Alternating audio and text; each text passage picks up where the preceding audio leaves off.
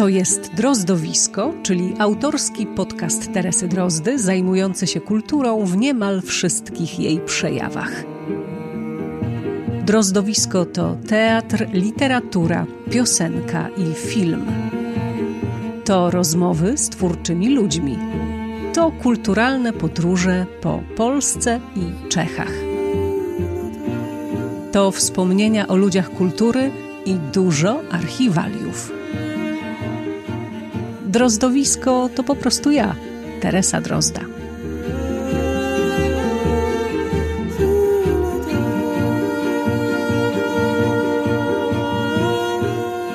Jest 20 sierpnia 2022 roku. Dzień dobry. Zapraszam na 79. Drozdowisko. Na początek komunikat. Każdy, kto do 31 sierpnia 2022 zdecyduje się wesprzeć Drozdowisko dowolną kwotą, otrzyma ode mnie autorski mikroprzewodnik po Pradze. Taki, który wystarczy na 3 dni spacerów i wszystkie te spacery mam w nogach. No i nie ma też znaczenia, czy wsparcia udzielicie w serwisie Buy Coffee Tu, czy też deklarując się jako patron w serwisie patronite.pl. Każdy taki przewodnik otrzyma. Linki są w opisie, podobnie jak odnośniki do fajnej muzy, o której będzie mowa w dzisiejszym odcinku. Gościem Drozdowiska jest y, Kuba Blokesz, czy Jakub Blokesz. Jak ty właściwie y, się przedstawiasz scenicznie i artystycznie? Kuba czy Jakub? Scenicznie i artystycznie Kuba. To na pewno. Jakub to jest taka bardzo oficjalna wersja. Można by nawet powiedzieć Jakub Benedykt Blokarz, bo tak jest napisane w dowodzie osobistym. Ale nie, żebym się jakoś wstydził. Kuba jest prostsze, łatwiejsze i jakoś tak wszyscy na mnie mówią, odkąd chodzę po tym świecie. No i e, młodszy jesteś, kiedy jesteś Kubą, a nie Jakubem. Też taka jest teza. No możliwe, możliwe, że tak jest faktycznie. Spotykamy się e, w Tychach. W tle mamy e, Tyski Festiwal Słowa Logos Fest, edycja poświęcona mm, Edwardowi Stachurze, ale to jest rzeczywiście w tle. To nas połączyło, że skrzyżowały się nam drogi, bo jednak mieszkamy mm, na dwóch różnych krańcach Polski. Czy ty mieszkasz w Warszawie, nie daj Panie Boże? Teraz już mieszkam w Warszawie, tak. mieszkam w Warszawie od wiosny zeszłego roku. No dobra, to jeszcze mogłam się tak. z tobą nie skrzyżować w Warszawie, ale mieszkałeś długie lata tutaj też na Śląsku, prawda? Mieszkałem na Śląsku, potem mieszkałem w Krakowie, więc to nadal jakaś odległość, chociaż od Warszawy do Krakowa coraz krótsza droga, ale tak, tak, tak. Kraków przez 10 y, lat prawie. Mówię o tym wszystkim też dlatego, żeby wam pokazać, że e, no, nie spotykamy się z Kubą po raz pierwszy i to już pewnie słychać. I bardzo się cieszę z tego naszego spotkania tutaj w Tychach, bo to mnie sprowokowało do tego, żeby mm, popytać cię o różne rzeczy, które ci się e, artystycznie oczywiście e, w życiu powydarzały. I tym punktem wyjścia chciałabym, żeby była pandemia, bo ty w pandemii w ciągu tych dwóch lat stworzyłeś po prostu zupełnie nową taką swoją własną przestrzeń, ale też myślę, że stworzyłeś publiczność, stworzyłeś społeczność, po prostu świetnie sobie w tym poradziłeś, jednocześnie nie zatrzymując się artystycznie, bo robiłeś bardzo cykliczne i bardzo regularne e, koncerty online, podczas których e, śpiewałeś, przygotowywałeś na potrzeby tych koncertów piosenki mm, no, najważniejszych e, bardów, nie tylko Polski, ale po prostu bardów świata i śpiewałeś te rzeczy. Opowiedz, skąd się to wszystko wzięło, jak się to zaczęło, skąd wiedziałeś, jak to robić? No, wzięło się to wszystko oczywiście z lockdownu i z tej e, niewielkiej, ale jednak jakiejś dla naszego artystycznego środowiska tragedyjki e, pierwszego lockdownu. Mówię to umniejszając, bo oczywiście z zachowaniem proporcji. Dla nas to było trudne, dlatego że mieliśmy e, zablokowane możliwość, zablokowaną możliwość spotykania się z ludźmi, grania koncertów. No i tak jak wielu moich znajomych i przyjaciół, postanowiłem przenieść swoją działalność do internetu, ale już po kilku dwóch, trzech koncertach zorientowałem się, że to tak nie może wyglądać, że ja będę grał cały czas ten sam koncert, bo przecież e, nieco się to mija z celem. Poza tym e, w ogromie tej rozrywki E, czy kultury, jakkolwiek by tam na tej granicy się nie znaleźć, internetowej, która jest nam dostarczana, była nam dostarczana wówczas również z bardzo dużą częstotliwością. Chciałem dać coś moim słuchaczom, co mogłoby im pomóc podjąć decyzję, że jednak może warto e, ten kanał dzisiaj e, odpalić. Twój konkretnie. Mój konkretnie kanał, tak, z napisem... A nie jakiś inny. Tak, Kuba Blokerz na środku. E, I tak właśnie powstała idea zagrania koncertu poświęconego jednemu mistrzowi piosenkopisarstwa, później następnemu i następnemu i następnej. I faktycznie do dzisiaj powstały trzy sezony, które tak naprawdę obejmują 30 paru autorów z całego świata, tak jak mówisz, e, którzy mm, byli ujęci w takim recitalu przygotowywanym e, na każdy ten koncert Ligi Mistrzów z osobna i w dużej mierze faktycznie śpiewanym po raz pierwszy w życiu, jeśli chodzi o moje wykonania publiczne, dlatego że często to były takie po prostu moje fascynacje, czasami jakaś taka idea fix, że a może piosenki Bogdana Olewicza na przykład, który jest fantastycznym tekściarzem, no ale potem się okazało, że nie zawsze na jedną gitarę budka suflera perfekt i nie wiem, yy, inne zespoły tego typu są w stanie dobrze zabrzmieć, więc trochę to było karkołomne zadanie czasami a czasami wprost bardzo przyjemne, e, bo niektórzy autorzy e, bardzo chętnie operowali gitarą, więc y, trzeba było to jakoś wszystko sobie poukładać, ale faktycznie to też racja, że zrodziła się wokół tego jakaś taka grupa ludzi, społeczność, która na te koncerty czeka, która te koncerty odbiera. Bardzo tak już nawet personalnie wytworzyły się takie, takie nawet małe rytuały, może tam w trakcie tych e, koncertów, co myślę, że też fajnie buduje jakąś taką grupę, która może później e, wspierać również w realnym życiu, bo wiele z tych osób poznałem i poznaję teraz już wracając e, po pandemii na koncertach albo właściwie po e, ściągnięciu lockdownów na koncertach. Poznaję często ludzi, którzy mówią, a tak, my oglądamy Ligę Mistrzów, o, a, a ja poznałem na Olewiczu właśnie, a ja poznałem na Okudżawie i tak dalej, i tak dalej. Tak. Liga Mistrzów, bo tak się te koncerty na, nazywały, prawda, ten cykl. Tak, tak, no Liga Mistrzów to taka moja nazwa, która oczywiście bierze się z y, pory, które się odbywają te koncerty. Koncerty się odbywają w środę, wieczorem o godzinie 20.45. To jest stara godzina rozpoczynania meczów Ligi Mistrzów. Bardzo dobrze pamiętam tę godzinę, bo będąc małym dzieckiem uwielbiałem oglądać te rzeczy. I dzisiaj również, ale one już są później. Nieistotne. Istotne jest to, że Liga Mistrzów z moich Realów Madryt i innych Bayernów Monachium przerodziła się trochę bardziej Wionaszów, Koftów oraz Agnieszki Osieckie, co jest bardzo e, taką drogą interesującą, bym powiedział. Powiedziałeś o tej społeczności, powiedziałeś o tym pierwszym lockdownie i o tym, że to właściwie trochę z tego wynikło. Ten pierwszy lockdown, mm, myślę, że dzisiaj już mało to pamiętamy, że właściwie nikt nie wiedział o co chodzi, jak to długo będzie trwało. Najpierw e, braliśmy to wszystko na przeczekanie, licząc, że to za tydzień, za dwa, za miesiąc się skończy, e, a było to przedłużane i przedłużane z tygodnia na tydzień, z miesiąca na miesiąc. Trochę nam opadały skrzydła, trochę nam brakowało nadziei.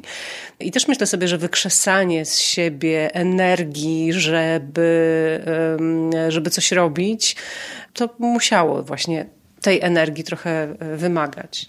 Ja podejmując pewne decyzje w moim życiu dawno, kiedyś, e, nie zostawiłem sobie, i zrobiłem to celowo, zbyt wielu dróg e, wyjścia. nie mówię o tym, że spaliłem mosty, ale mówię o tym, że może niektóre ścieżki zostawiłem specjalnie takie zachwaszczone trochę bardziej, żeby podążać jakąś jedną wybraną na początku. I faktycznie teraz w pandemii e, była ogromna, nie nazwę tego pokusą, bo to złe słowo, była ogromna Mm, potrzeba często e, przebranżowienia się, zmienienia zawodu, e, nawet w jakiejś małej części swojego czasu procentowej, po to, żeby po prostu utrzymać się na powierzchni, jakoś wziąć to właśnie, wziąć to właśnie na przeczekanie, postarać się mm, nie zapomnieć o muzyce, ale jakoś ją odłożyć na dalszy plan. Bo trzeba było jakoś, kurczę, też zacząć zarabiać na życie najzwyczajniej w świecie. No dokładnie, bo trzeba było jakoś żyć. Ja y, postarałem się nie zrobić tego ruchu, chociaż rzeczywiście zająłem się też y, innymi rzeczami, ale nadal muzycznymi bardzo mocno i starałem się jakoś to wszystko oprzeć też właśnie na tej działalności internetowej, żeby, żeby można, można było z tego się jakoś tak wybić trochę e, bardziej w górę po ściągnięciu lockdownów. Wykorzystać to taki, jako taki rodzaj e, zejścia na drabinie może, a nie do końca odłożenia wszystkich narzędzi i pójścia na zupełnie inny warsztat. O. Ale Chcę też, żeby to wszystko wybrzmiało i żebyś to wszystko e, opowiedział też dlatego, że tak naprawdę trochę chciałabym opowiedzieć o tej drodze bardzo młodego artysty, który jest piekielnie zdolny, tylko nikt o tym nie wie. Upraszczam, jak rozumiesz, i troszkę mm, też ironizuję, ale trochę chcę e, o to zapytać, bo tak naprawdę nie wydałeś jeszcze takiej płyty, mam wrażenie, która by cię pokazywała od początku do końca. Że to są wszystko jeszcze takie rzeczy, które się gdzieś snują, które dopiero gdzieś może będą, może nie będą. No ta Liga Mistrzów to się aż prosi naprawdę. Yy, oczywiście o płytę i pewnie słyszałeś to już milion razy. Jak ty to wszystko sobie ustawiasz na tej drabinie? Czyli inaczej, jak kierujesz swoją karierą, bo chyba już zacząłeś to robić i to mnie naprawdę fascynuje. To jak to robisz? Teraz, w tej chwili, bardzo mocno e, staram się o to, żeby wyszła moja płyta w pełni autorska. I ona właściwie była gotowa przed pandemią już, jeśli chodzi o dobór jakiegoś materiału. To była rzecz zbierana przez lata, oczywiście selekcjonowana przez lata, jak to wiadomo, te pierwsze swoje rzeczy zawsze są tam jakoś mocno przesiewane. Ale tak, tak jak mówisz, moja pierwsza płyta polegała na ułożeniu muzyki do wierszy y, obcych autorów, premierowej, ale jednak obcych autorów. Druga płyta polegała na przetłumaczeniu w ogóle tekstów, które już istniały, zrobieniu piosenek, które już były, więc to zawsze był taki rodzaj jakiegoś parawanu, czasami bardzo e, szczelnego, czasami jakiegoś takiego z małymi okienkami, ale nadal. A jednak myślę, że sama figura e, człowieka z gitarą na scenie trochę obliguje do tego, żeby się wypowiedzieć samemu za siebie, jakkolwiek by to nie zabrzmiało. To znaczy forma sama y, ma dużo mniej tutaj do gadania niż właśnie ta figura sceniczna. Tak mi się trochę zawsze to wydawało istotne. Że ktoś, kto już stoi na scenie, e, często z gitarą powiedzmy, albo z jakimś innym instrumentem, e, chce jakby wziąć sprawy w swoje ręce. Całą odpowiedzialność za absolutnie każde słowo i każdy dźwięk, które z tej sceny padają. Dokładnie tak. I, i w pewnym momencie starałem się też to mm, przepleść i nadal to robię E, czyli dokładać do tekstów właśnie mistrzów e, teksty własne i jakoś to tak kompilować w koncertach. E, ale faktycznie jestem też w momencie takiego mm, bardzo mocnego kroku, który trzeba wykonać i to jest taki trochę krok jak e, e, był taki film, jak on się nazywał? Poszukiwacze Zaginionej Arki, tak? Jak Indiana Jones musiał wykonać krok w przestrzeń niewidzialnego mostu i musiał się po prostu poddać temu, że ten most tam jest, chociaż on go nie widział. I może ten ruch, który on wówczas wykonał, czyli rozrzucenie jakiegoś piasku czy czegoś, jest mi teraz właśnie potrzebny, żeby ten most zobaczyć. To są wszystko takie rzeczy trochę ulotne, trochę nieuchwytne i trudne do wyjaśnienia, ale jeśli się wszystko fokusuje w jednej osobie, to te decyzje są niełatwe do podjęcia i są takie, no, bardzo odpowiedzialne po prostu. E, więc na razie to się wszystko też przygotowuje. E, materiał, jeśli chodzi o repertuar, aranżację nawet piosenek i tak dalej, e, jest gotów. Tylko teraz rozpracowuję plan, jak zrobić e, właśnie ten ruch, żeby niezależny twórca, jakim jest Kuba Blokerz, stał się może trochę bardziej dostępny, że tak powiemy, pod strzechą. No dobrze, no ale co było wcześniej? To znaczy, jak dochodziłeś e, e, do tego momentu?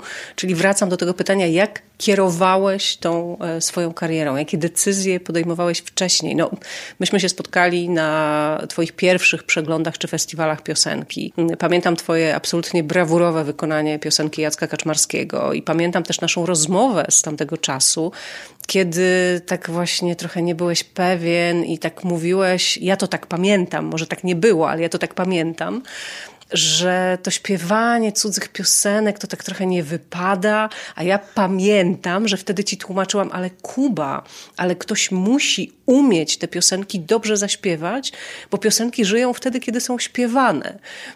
Nie wiem, czy to zapamiętałeś i czy wziąłeś sobie to do serca i stąd mamy Ligę Mistrzów, ale pamiętam to Twoje dążenie, czy taką potrzebę wypowiedzenia się własnymi słowami już wtedy, naprawdę no, ładnych pewnie kilkanaście lat temu. Więc y, czemu to tak długo trwa w ogóle? No to jest pewnie kwestia właśnie tej, tej decyzyjności, tego skoku w oddal, w, w otchłań. W ramach ciekawostki powiem, że na tej najnowszej płycie, na tej autorskiej płycie będzie... Której jeszcze nie ma. Której jeszcze nie ma, ale ona już będzie. Ja muszę to mówić publicznie często, to wtedy będę miał, nie będę miał wyjścia. E, na tej płycie, która będzie, ona już na pewno będzie, będzie utwór z tamtego okresu nawet jeden. Znaczy już wtedy zaczynałem pisać i już wtedy te rzeczy były całkiem dobre. Po paru poprawkach nadają się do publikacji. Więc ta potrzeba była bardzo mocna, ale tak, ja też e, nigdy nie uciekałem w taką zasadę, że nie można śpiewać nigdy cudzych piosenek. Wówczas może wcześniej powstałyby moje autorskie płyty, z pewnością, bo po prostu musiałbym to wykonać. Ale ja mam bardzo, bardzo, bardzo ogromny szacunek do obcej twórczości i też nie do końca traktuję ją jako obcą, taką zupełnie. Znaczy bardzo mm, jest mi potrzebne moc, mocne jakieś utożsamienie się z, z tekstem, albo z sytuacją w tekście, albo z muzyką, albo z, z jakąś częścią tego utworu i przerobienie go mm, tak bardzo, żeby on przefiltrowany przeze mnie mm, dawał po prostu jakąś nową jakość. Staram się nie wykonywać e, piosenek tak bardzo na przykład napiętnowanych wykonaniem jakiegoś wielkiego człowieka przede mną, no, ale takie też miałeś e, w repertuarze, nie raz. Tak, ale wówczas starałem się z nimi zrobić możliwie najwięcej, ile jest możliwe, ile, ile, ile opcji miałem aranżacyjnie, ale też jakoś tam interpretacyjnie, żeby tę piosenkę zupełnie rozkodować i przejąć ją jakby jako swoją.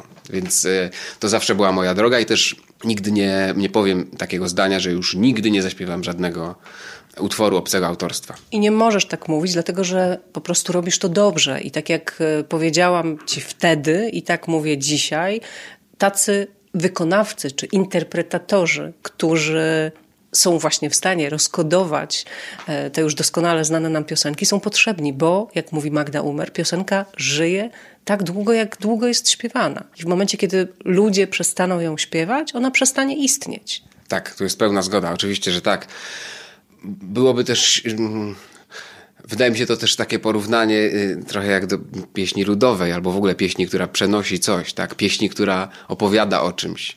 Trochę takie homeryckie nawet. Pieśń, która po prostu jest po to, żeby mm, historia trwała dalej, nie? Po to, żeby opowiedzieć o, o kularnikach, ktoś musi ich zaśpiewać, nawet jeśli rzecz się zdezaktualizowała, powiedzmy pod względem jakimś socjologiczno-politycznym, to jest oczywiście brednią, bo to się, dobre piosenki są wiecznie zielone, jak to mówią anglosasi, więc ona po prostu będzie wracać nadal. E, I ja też staram się mocno wybierać takie pieśni, które często opowiadając jakąś historię, nawet zamierzchłą, są bardzo aktualne dziś. To może brzmi y, trywialnie, ale nawet byśmy sobie nie zdawali sprawy, jakie piosenki e, z jakimi na przykład e, sformułowaniami użytymi czasami bardzo anachronicznymi mogą się wydawać nam bliskie. Ciągle mi uciekasz od odpowiedzi na pytanie o te kolejne punkty i etapy e, Twojego rozwoju, czy pewnych decyzji, które podejmowałeś. I może rozszerzę to tak, czy pewne działania, które podejmowałeś w, w związku ze, swoimi, ze swoim rozwojem artystycznym, e, wynikały z tego na przykład właśnie, jakie dostawałeś propozycje, albo o jakim festiwalu przeczytałeś i uznałeś, że warto tam pojechać i się sprawdzić. E, w jakim jesteś teraz momencie? Czy ty jesteś teraz jeszcze ciągle artystą, nie wiem, jakoś debiutującym? Jak to widzisz, jak to czujesz, jak to jest i jak do tego dochodziłeś? W dużym skrócie, to, to historie festiwalowe mm, starałem się jakoś tam zamknąć, powiedzmy, na samym początku tego ruchu, czyli jak pojechałem na pierwszy festiwal, to starałem się jakoś tak to mniej więcej wszystko powygrywać w ciągu najbliższych dwóch sezonów, powiedzmy. Oczywiście no, tak, tak się stało zresztą. Trochę się stało, troszkę tam y, przeciągnąłem tę sytuację. Nieistotne w każdym razie y, kwestie konkursów z jednym wyjątkiem, mam już od dłuższego czasu za sobą. A później podjąłem decyzję, pierwszą taką artystyczną tak naprawdę decyzję, podjąłem podczas albumu Lwów Szkice Miejskie, czyli albumu z poezjami współczesnych Ukraińców, Andruchowicza, Czubaja. To jeszcze też do tego wrócimy, zwłaszcza, że czas jest po temu, żeby tę e, płytę przypomnieć, więc jeszcze też o niej powiemy. Taki też miałam plan na tą naszą rozmowę dzisiejszą. Dobrze, świetnie, cieszę się bardzo. To była płyta, która była gdzieś tak w roku 13, 14 chyba, nagra- w 14 była nagrana, tak? 2000. 2014, tak. A w 2015 była wydana. No i e, później trochę trwało, zanim z tej płyty, że tak powiem, e, opadł kurz i postanowiliśmy podjąć następną inicjatywę, która była Morawską Bramą, czyli piosenkami z naszej południowej granicy. I, I to już był rok 17, bodaj, tak. A pomiędzy tym wszystkim jeszcze były takie dwa projekty. Jeden z nich się skończył teraz, a drugi, jeden trwał w tamtych czasach, o których mówię teraz, czyli e, to były dwa projekty karmelitańskie z poezjami e, świętej Teresy z Avila i świętej Teresy z Lizie. To są dwie takie doktor kościoła, abstrahując od religii, nawet bardzo interesujące postacie, jeśli chodzi o teksty, e, jeśli chodzi o poezję oraz prozę. Był też Jan od Krzyża i ta cała taka, ja tam pełniłem rolę kompozytora, też producenta na tych albumach, więc też było trochę pracy, jeśli chodzi o taką stronę. No ale sam tego nie wymyśliłeś, rozumiem, tak? Ktoś przyszedł do ciebie i zaproponował ci, żebyś to zrobił, a ty na to przystałeś. Tak, i to właśnie w pierwszej sytuacji Lwów Szkice Miejskie był to zupełnie mój autorski pomysł. W drugiej sytuacji z Morawską Bramą był to mój pomysł z realizacją zespołu Chwila Nieuwagi, więc razem potem ciągnęliśmy ten wymyślony przez nas wózek. A w przypadku karmelitańskich dwóch płyt to był pomysł karmelitów o hospicjum Cordis w Katowicach, tutaj nieopodal mieszczącego się. Także były to takie trochę też zewnętrzne bodźce, inicjatywy, tak. E, ale już na przykład e, e, Misa Pagana z muzyką Romana Kołakowskiego zarejestrowana na YouTubie w trakcie pandemii, albo Liga Mistrzów wymyślona w trakcie pandemii, to już są znowu moje pomysły całkowicie, za które ponoszę stuprocentową odpowiedzialność, jak za poprzednie również, ale taką bardziej, że tak powiem, moją własną kuboblokaszową. I to wszystko chyba musiało tak trochę dojrzewać też po prostu, jak taki jakiś nie chcę powiedzieć brzydko, jak jakaś narośl, ale musiało to jakoś dojrzewać mocno, żeby móc, żeby móc wyleść wreszcie. I już bardzo mocno ona mi uwiera, już bardzo mocno czuję, że muszę ją e, wyłożyć na tacę i to... Ją, czyli tę płytę, ją, tak? Masz płytę, ją w domyśle. Tak, ją, czyli tę płytę, ją, czyli tę twórczość całą własną i po prostu zobaczyć, na ile ona jest skuteczna i na, ile, na ile ona się sprawdza. Nadal podkreślam, że nie rezygnując też z pieśni autorów e, innych. Czyli w jakim jesteś momencie? Jak to czujesz? No bo w, jeżeli wydasz tę płytę całkowicie autorską, to właściwie będzie można powiedzieć, że jest to debiut, a takie sytuacje już były. E, Dorota Osińska e, w 2020 roku wydała swoją pierwszą autorską płytę i ja uważam, że to jest jej wspaniały debiut. Michał Łanuszka przecież też wydał też ze dwa lata temu chyba w pełni autorską pierwszą swoją płytę, mimo że to w jego dorobku była już któraś z kolei, ale tak naprawdę on ją potraktował jako tę mm, pierwszą, najważniejszą, na jakimś poziomie debiutancką, więc, y, czyli jesteś artystą przed debiutem. Tak, strasznie to brzmi. No, po dziesięciu, dziesięciu z górką, kilkunastu już latach śpiewania piosenek, to trochę brzmi przerażająco, ale takie są czasy, taki jest świat, takie jest życie. Czasami tak to wygląda. Leonard Cohen bardzo późno debiutował, chociaż on był wcześniej uznanym poetą. E, ale jeszcze się zastanawiam, jak to ugryźć tak naprawdę, jeśli chodzi o ten mój debiut, czy tak naprawdę o tym bardzo mocno alarmować, że będzie to debiut, debiut. No bo faktycznie e, byłoby to rodzajem przekłamania, ale wewnątrz będzie to na pewno moja najważniejsza płyta. To trzeba przyznać na 100%, tak. Teraz mogłabym cię zapytać o to, no to kiedy ta płyta będzie, ale tego nie zrobię. Dziękuję.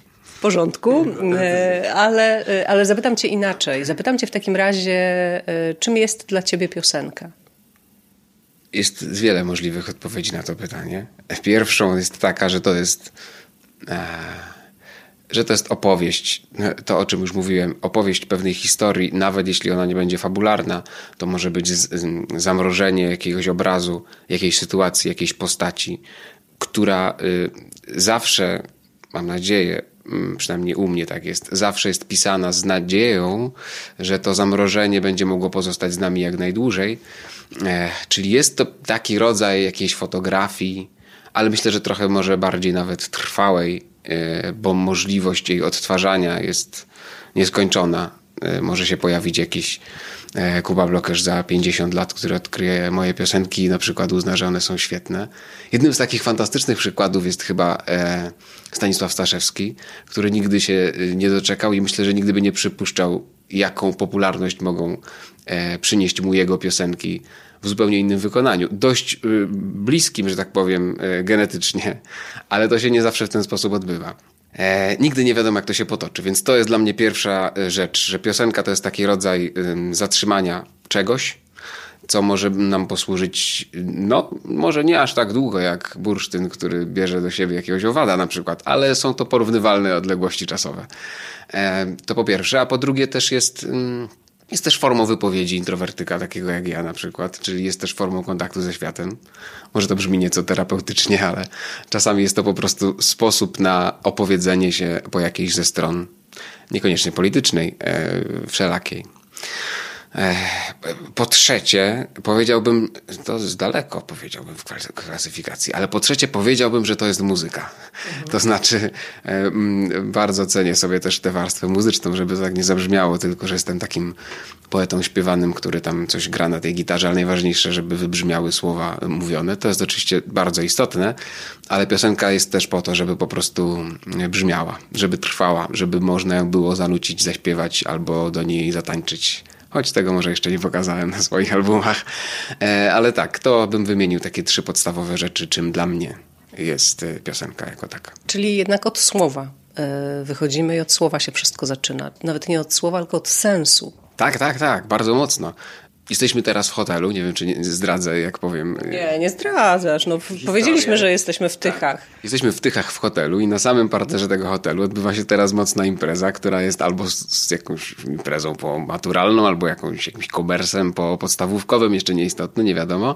Wiadomo, że bawią się tam jakieś tabuny młodych ludzi i oni skaczą do różnych piosenek i oczywiście, że chodzi o to, żeby do nich skakać, im akurat tam na dole i super, to jest taki moment w życiu, że to jest bardzo fajne, ale jednak myślę, że te teksty, które tam są śpiewane, wywołują u nich co najmniej 50% tych emocji, które one tam, ci, które, które oni tam, ci ludzie mają. Mhm, niosą tam w sobie z tą swoją energią. Mhm. Tak, tak, tak. Jakkolwiek wiem, że to nie jest Wojciech Młynarski tam, nie, nie śpiewa, ani, ani nie śpiewa tam y, Piotr Bukartyk na przykład, ale y, te słowa, które tam są wypowiadane, nie są słowami obojętnymi. obojętnymi tak. Mhm. Jasne. I Cudownie, że to mówisz, bo, bo e, niby jest to oczywistość, e, ale e, chyba taka, którą trzeba ciągle i ciągle i ciągle przypominać, nazywać. Jest coś jeszcze, co chciałbyś powiedzieć o tej nadchodzącej, rodzącej się płycie? Czy poczekamy, aż ona będzie i wtedy może nam się uda w Warszawie spotkać i porozmawiać? Tak byś wolał? Tak bym wolał, to jest bezpieczne wyjście, nie? Jestem taki bezpieczny bardzo. E, możemy powiedzieć coś o tej płycie. Co ja mogę o tej płycie powiedzieć? Mogę, co chcesz? Mogę, właśnie, teraz mogę powiedzieć, co chcę, tak? No. Bez zobowiązań. O, o, o, o. Mogę tej płycie powiedzieć to, że będę na niej, że będę w niej grał na wielu instrumentach różnych. Będę sobie też rzeczy robił różne w komputerze z tą płytą, bo ta płyta nie będzie taka w stu procentach, że... Że, że, że setka, tak? Że setka, że akustyczna gitara, na przykład, że jakiś fortepian, perkusja. Będą na tej płycie różne rzeczy nagrane, również takie, które są wyprodukowane zero-jedynkowo, tak powiedzmy. Ale ogólnie to e, tak, e, będzie to płyta może trochę odbiegająca nawet od tego, co robię na co dzień. E, Czyli od takiego wyobrażenia właśnie poety z gitarą, tak? Tak, i od tego, co robię w koncertach, bo w koncertach jednak 70% moich koncertów to są koncerty z gitarą solowe, chociaż staram się w nich wprowadzać na przykład lupowaną gitarę, stukanie po niej, używanie różnych brzmień, rytmów. Jeżdżę z trzema gitarami, co ludzi zwykle dziwi, jak się wypakowuje w jakimś centrum kultury. Myślą, że to człowiek z gitarą przyjechał, on tu ma instalacji na godzinę w ogóle, co się dzieje. No więc trochę tego wszystkiego jest, ale to wszystko po to, żeby trochę się... E, może troszkę odkleić od tego anachronicznego takiego, mm.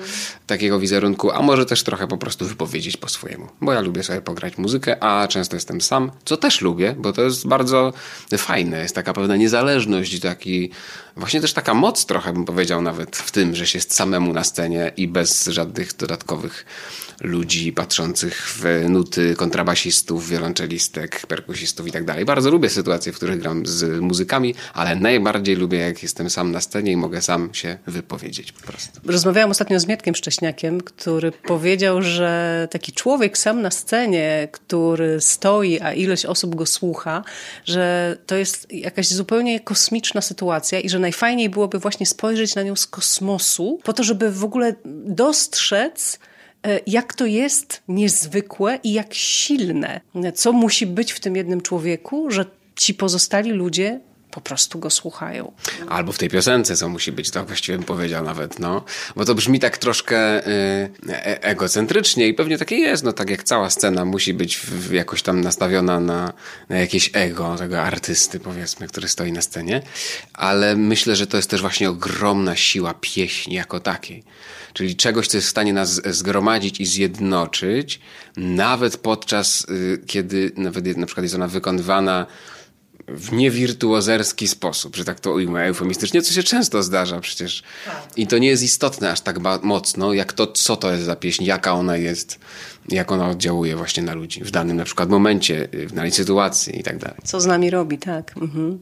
E, no dobrze, to jeszcze wróćmy w takim razie do tej płyty Lwów Szkice Miejskie, mm, e, do, do tej pierwszej, jak mówisz, takiej płyty przez ciebie wymyślonej. To jest płyta nagrana na koncercie i to jest taki koncert właśnie podczas którego śpiewasz e, wiersze przełożone na język polski ukraińskich poetów. Skąd ci się wzięła ta płyta? A ona dzisiaj bardzo mocno e, rezonuje. Tę płytę zawdzięczam Maćkowi Piotrowskiemu. To jest e, ukrainista, człowiek z Tomaszowa Lubelskiego. To nadal jest dość interesujące, co ja robię w Tomaszowie Lubelskim. Sytuacja się bardzo prostuje, jak powiem, że moja żona jest z Tomaszowa Lubelskiego, a Maciek Piotrowski to jest jej szkolny kolega po prostu. Więc z Maćkiem się poznaliśmy w ten sposób, a Maciek w Krakowie mieszkając wówczas my też mieszkaliśmy w Krakowie, zaproponował mi i podrzucił mi kilka swoich tłumaczeń właśnie e, poezji Jurija Andruchowicza. I ja stwierdziłem, że to są Maciek świetne materiały na piosenki, a ja bym chciał wydać swoją pierwszą płytę i patrz jak się fajnie składa. Weź, że napisz tego troszkę więcej i zobaczymy co z tego wyjdzie.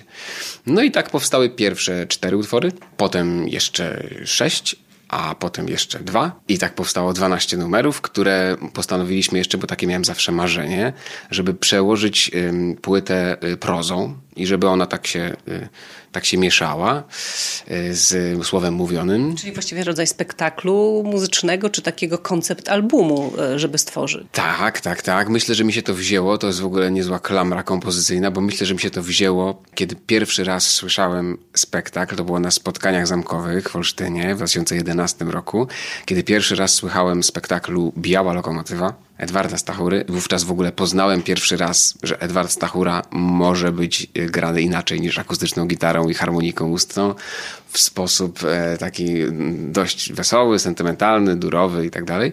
Wówczas się okazało, że na przykład wychodzi taki pan Mirosław Baka, coś czyta z tego jeansowego wydania Stachury, nagle przechodzi do mikrofonu, zaczyna śpiewać, że już jest za późno i to ja byłem tam przytłoczony w ogóle tą sytuacją, że można tak Stachurę zrobić. Ale jakie to wspaniałe, bo teraz tutaj w Tychach dokładnie bierzesz udział w kolejnej jakby wersji tego koncertu, bo to jest rzecz wymyślona, stworzona, skomponowana przez Jerzego Satanowskiego, skomponowane też w sensie scenariuszowym. Tak, tak, no dokładnie, dokładnie. No Aż i, to piękne. No i postanowiłem, że po prostu, znaczy postanowiłem, zaczęło to mocno we mnie rezonować, zacząłem grzebać bardzo, bardzo intensywnie, no i pewnie te trzy lata później e, to była ta sama myśl, która mi towarzyszyła, że muszę to przełożyć po prostu e, prozą i zrobić z tego taką historię całą właśnie, znowu opowiedzieć o czymś. No więc z Maćkiem wybraliśmy różne fragmenty prozy, e, przełożyliśmy to w taki sposób, on właśnie językowy na polski, a muzycznie. I postanowiliśmy zadać takie pytanie, tak naprawdę, y, czy Ukraińcy opisujący Lwów własnymi słowami robią to w taki sposób, że to jest dla nas naprawdę niezrozumiałe i musimy to odrzucić. Jak ja przyjeżdżam do Polski i gdzieś pada w zapowiedzi na przykład, że nagrałem płytę Lwów Szkice Miejskie z piosenkami lwowskimi, czasami pada taka zbitka, od razu się nam otwierają umysły i głowy, szczepcio i toncio, podwaliny polskiego kabaretu, przedwojenna piosenka i super, że to się nam otwiera, w ogóle świetnie, że o tym pamiętamy. No ale tam już od kilku pokoleń rozmawia się innym językiem, inną metaforą, opisuje się inaczej świat. I postanowiliśmy sprawdzić, czy to się jeszcze w ogóle jest w stanie jakoś obronić, jeśli to przełożymy, co oni mówią o Lwowie. Nie tylko o Lwowie, ale o galicyjskich miastach, powiedzmy. Okazuje się, że te piosenki rezonują bardzo mocno, szczególnie dziś, kiedy sytuacja się nam wywróciła o 180 stopni do góry nogami. Pisaliśmy tę płytę w czasie Euromajdanu już wówczas było, mm, zaczynało się bardzo mocno zmieniać. A teraz myślę, że ta, te pytanie jest już, ono już ma swoją odpowiedź. To znaczy, to nie jest tak, że, że jakkolwiek jesteśmy w stanie Ukraińców odrzucić i uznać za jakiś obcy, nie do końca nam zrozumiały naród, który musi sobie tam żyć za tą granicą i tak już pozostawmy to na razie w takim jakiś status quo. Nie ma żadnego status quo. Ukraińcy mieszkają w naszych domach, korzystają z naszych sklepów, urzędów, y, są w naszych tramwajach, są po prostu z nami razem. I myślę, że to, co się wydarzyło w lutym e, z tej strony społecznej, humanitarnej, jest czymś, co bardzo mocno zaważy też na naszych losach, jeśli chodzi o całe społeczeństwo po prostu. Wydarzyło się i wydarza, trwa, no bo to jest przecież proces, który nie skończył się po tygodniu dwóch czy trzech, e, ale to jest jakby inny, e, inny temat. Ale ta płyta się ukazała, ale ona wtedy zarezonowała w tym 2015 roku. Jak to z nią było? Bo do niej został do czytania tej prozy zaproszony, jeśli dobrze pamiętam, Piotr Machalica. Tak, tak. Świętej pamięci Piotr Machalica zgodził się z, przeczytać tam prozę. Ja byłem wtedy oczarowany tą decyzją. Tu się znowu pojawia Jerzy Satanowski. Jak teraz jak o tym myślę, to jest jakiś po prostu primus motor tych moich działań. E, to było tak, że ja bardzo chciałem zatrudnić jakiegoś właśnie takiego aktora e, z marzeń, że tak powiem. I żona podrzuciła mnie też pomysł, po kilku tam jakichś nieudanych pomysłach, że może Piotr Machalica na przykład. I ja pomyślałem, no nie, no ale są pewne granice. Ja musimy to zrobić w jakichś racjonalnych w ogóle ramach. Przecież Piotr Machalica odbierze mój telefon.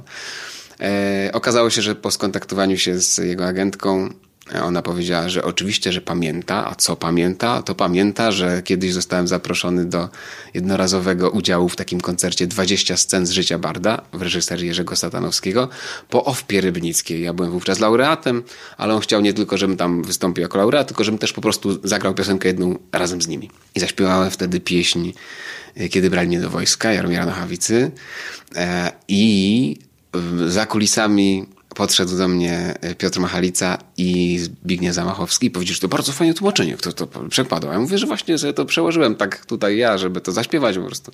No i tak się to im spodobało mocno, że musieli gdzieś to zapamiętać i to minęło 6 lat mniej więcej, kiedy e, na mój telefon odpowiedział bardzo pozytywnie. Pan Piotr Machalica przyjechał w studiu w Warszawie, to nagraliśmy, także on się bardzo tym ucieszył. Dodatkowo zagraliśmy trzy razy jeszcze w ogóle to na żywo na premierze w Piwnicy pod Baranami, jeszcze w paru miejscach.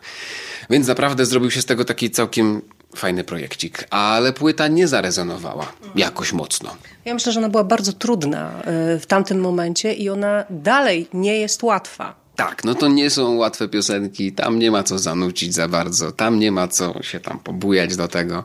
Nie mówię tego y, oczywiście z jakąś tam... E, z żalem. Z, nie mówię tego z żalem, nie mówię tego z żalem, nie mówię też tego z jakąś wielką ironią taką mm. wobec tych działań, bo warto się czasami do czegoś pobujać i warto coś zanucić. Ale wówczas chciałem zrobić tak, chciałem tę płytę nagrać trochę w takim jazzowym stylu, takim właśnie trochę surowym, zarejestrować to na koncercie, Polskim Radiu Rzeszów, więc to się zrobiła taka płyta, która, mm, która jest taka, ale, mm, ale to nie jest wynik jakiegoś błędu. Ona taka ma być po prostu. Nie zarezonowała. Cóż mi zrobić z tym? E, jest taki cudowny przykład w polskiej fonografii. E, pierwsza płyta Zbigniewa Wodeckiego, oczywiście tu proporcją gardę, ale pierwsza płyta Zbigniewa Wodeckiego też niezbyt zarezonowała. Potem się działy z nim bardzo różne rzeczy. Pszczółki Maje i tam piosenki o muszlach nad morzem. A nagle się okazuje, że po tam 40-30 paru latach może na warsztat płytę tę wzięli młodzi muzycy i zrobili z niej po prostu nowe narodziny Zbigniewa Wodeckiego, który nagle zagrał na festiwalu w Katowicach i ludzie skandowali jego pieśni. Także no, historia pieśni czasami jest y, przerażająco y, niesamowita. No ja myślę, że trudność z tą płytą Lwów Szkice Miejskie też polegała właśnie na tej formie, którą sobie wymyśliłeś, bo e, ja jako radiowiec miałam problem z tym, jak tego używać na przykład w audycji. W audycji nie jesteś w stanie zagrać całej płyty, a e, właśnie przez to, że mm, te piosenki nie są osobne. To znaczy, że ja tam sobie, o ile dobrze pamiętam, wybrałam ze dwie, które się dało grać tak właśnie w zupełnie osobny sposób. Tramwaj numer 7 to jest chyba w ogóle moja najbardziej ulubiona piosenka z tej płyty, ale, ale on, to po prostu myślę, że to był pewien e, problem, jakby właśnie z rezonowaniem e, tego krążka, tak. No to jest zawsze jakiś kłopot z koncept albumami, tak? Trudno skompilować The Best of Pink Floydów na przykład. To jest skomplikowana sytuacja. Są tak takie próby. Jest to trudne po prostu, bo to zawsze jest jakaś tam większa wypowiedź.